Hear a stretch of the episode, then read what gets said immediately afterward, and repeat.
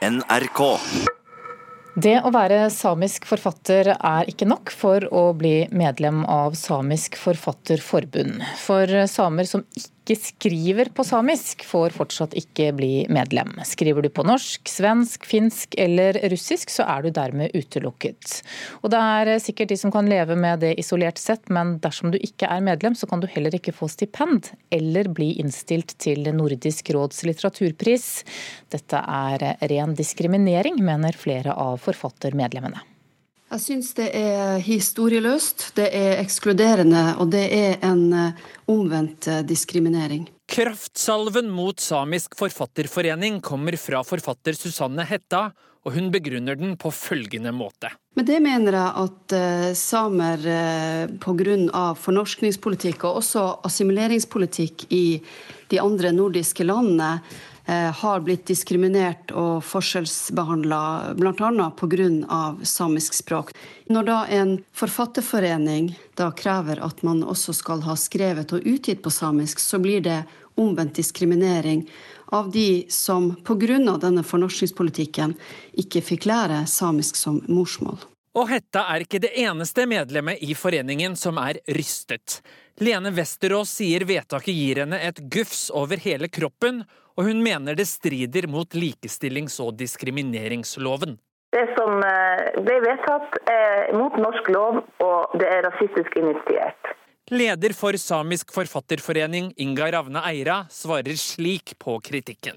Jeg kan forstå reaksjonene deres veldig godt, men vår intensjon var å redde det samiske språket. Det var ikke vårt mål å diskriminere noen. Men når man gjør et sånt vedtak, så ble konsekvensene sånn som det ble. Hun påpeker at det har kommet flere bekymringsmeldinger om at en stadig mindre del av den samiske befolkningen snakker samisk. Hun får støtte av nestleder Karen Anne Buljo, hun sier hun respekterer medlemmenes følelser, men påpeker at man er midt i en fornorskning, og derfor er det viktig å markere. Susanne Hetta kritiserer lederstilen, og mener man nå har en forening som fremstår alt annet enn samlet. Foreninga er splitta.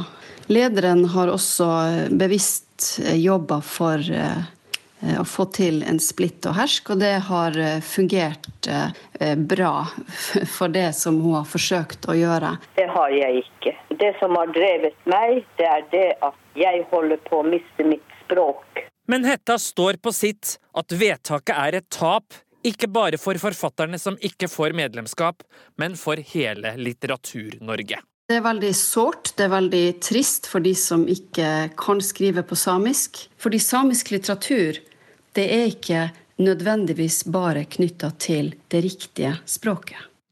Reporter her, det var eh, Knut Øyvind Hagen.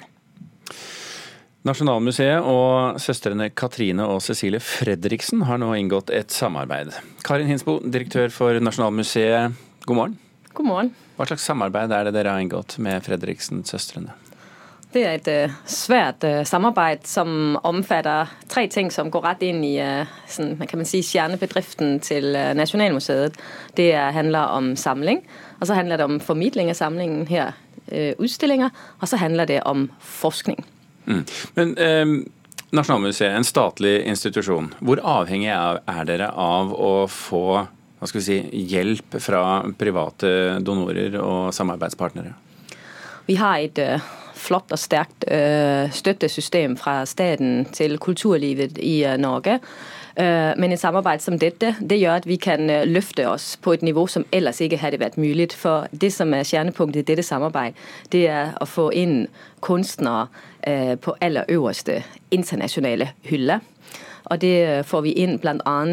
via en samling av verk med kunstnere som vi ellers ikke hadde mulighet for å komme i nærheten av som skal vises i det nye museum. Og så blir det en utstillingsserie også, som skal være de aller største og hotteste internasjonale navn, som skal prøve krefter med det nye gigantiske utstillingsrom vi får på toppen av det nye Nasjonalmuseet, Lyshallen. Men, men hva, gjør, hva, gir dere tilbake til, eh, til Fredriksens for å, for å få det dere får?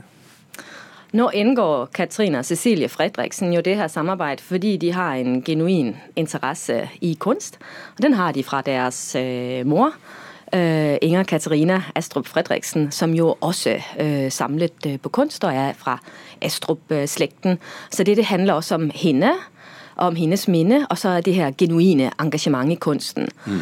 Med det sagt, så er det også et, øh, et, et samarbeid, og det betyder jo, at vi faktisk jobber sammen om hvilke værker og hvilke kunstnere, øh, der, skal, der skal inn. øh, Men hvor mye får de bestemme? Det er jo et samarbeid, så det vil jo si at, øh, at vi sammen tager, treffer beslutningene i fellesskap. Mm.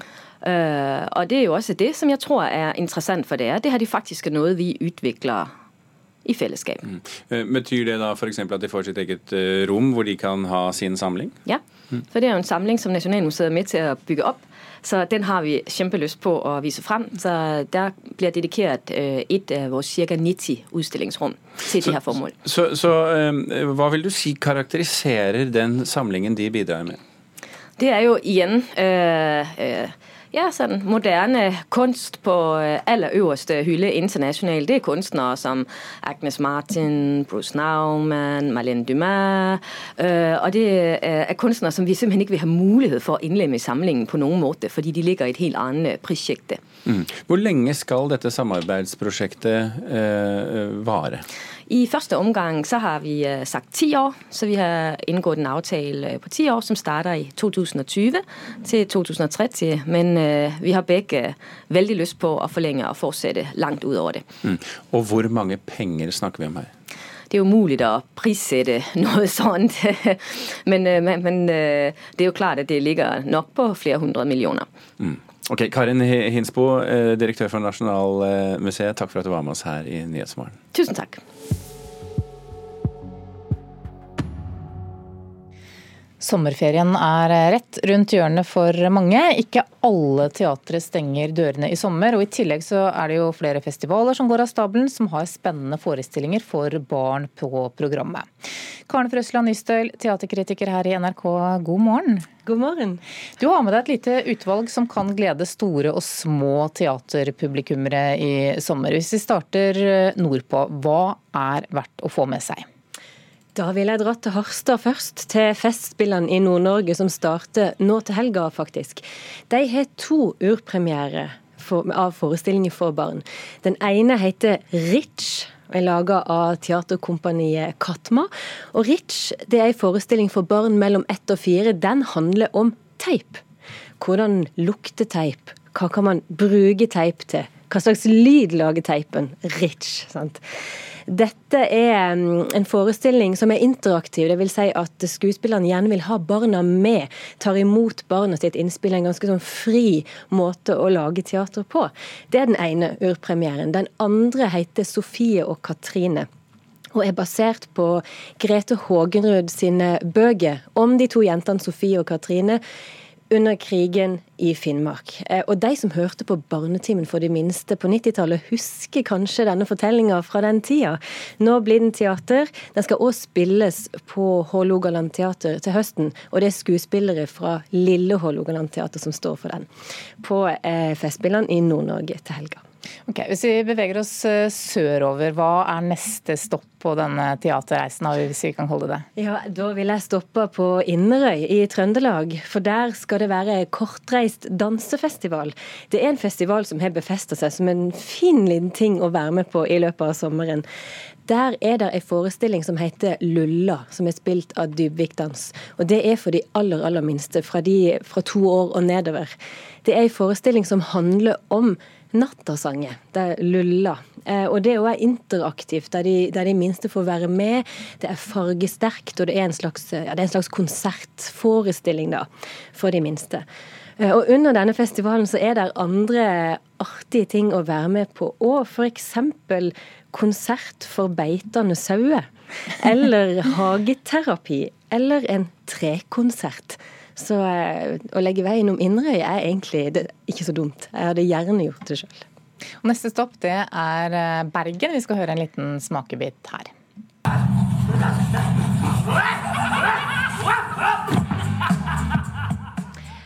Her hører vi fra forestillinga 'Når da gudene breaket', som ble vist ved Den nasjonale scene i fjor, og var så populær at de setter den opp i juli i år igjen. Det er Absence Crew, et dansekompani, som breaker seg gjennom Edda-diktninga, så å si. Det er en forestilling som, som går fra verdens tilblivelse ifølge norrøn mytologi og til ragnarok. Og vi møter vi Odin, Thor Loke, og de breaker seg gjennom historier, og er selvfølgelig med på den avgjørende battlen, da, det store slaget mellom lysets og mørkets krefter. Og denne forestillinga sier de passer for barn fra fem år med voksne tilhørende. Okay, så Hvis vi går litt sørover til eh, Kristiansand, ja. hva har de å by på i sommer? Ja, Da kommer man jo ikke utenom Dyreparken i Kristiansand, selvfølgelig. Der er jo den fine forestillinga 'Reisen gjennom Hakkebakkeskogen'. Det som er at man tar et lite tog gjennom skogen og møter klatremus og de andre dyrene i Hakkebakkeskogen. En veldig fin ting å være med på for barn i barnehagealder så kommer vi heller ikke utenom da at det er en viss sjørøver som feirer 30-årsjubileum i Kjuttaviga. og Det er jo selveste Kaptein Sabeltann. For den som er glad i kombinasjonen natteater, sjørøveri og pyroeffekter, så er dette tingen å få med seg. Nok en gang så skal han jakte på grusomme Gabriel Skatt i Kjuttaviga.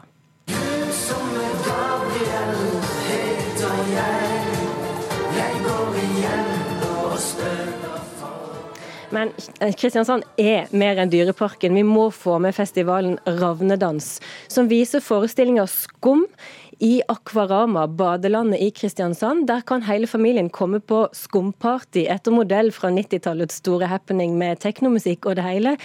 Eh, duoen The Line plukker plukke fra hverandre konseptet eh, skumparty, sette det sammen igjen til noe helt annet, og undersøke også skum som materiale. Dette er for hele familien, og jeg tenker det kan være ganske gøy. Så kan man jo òg bade samtidig. Mm -hmm. Og så må vi innom eh, hovedstaden. Hva skjer eh, der?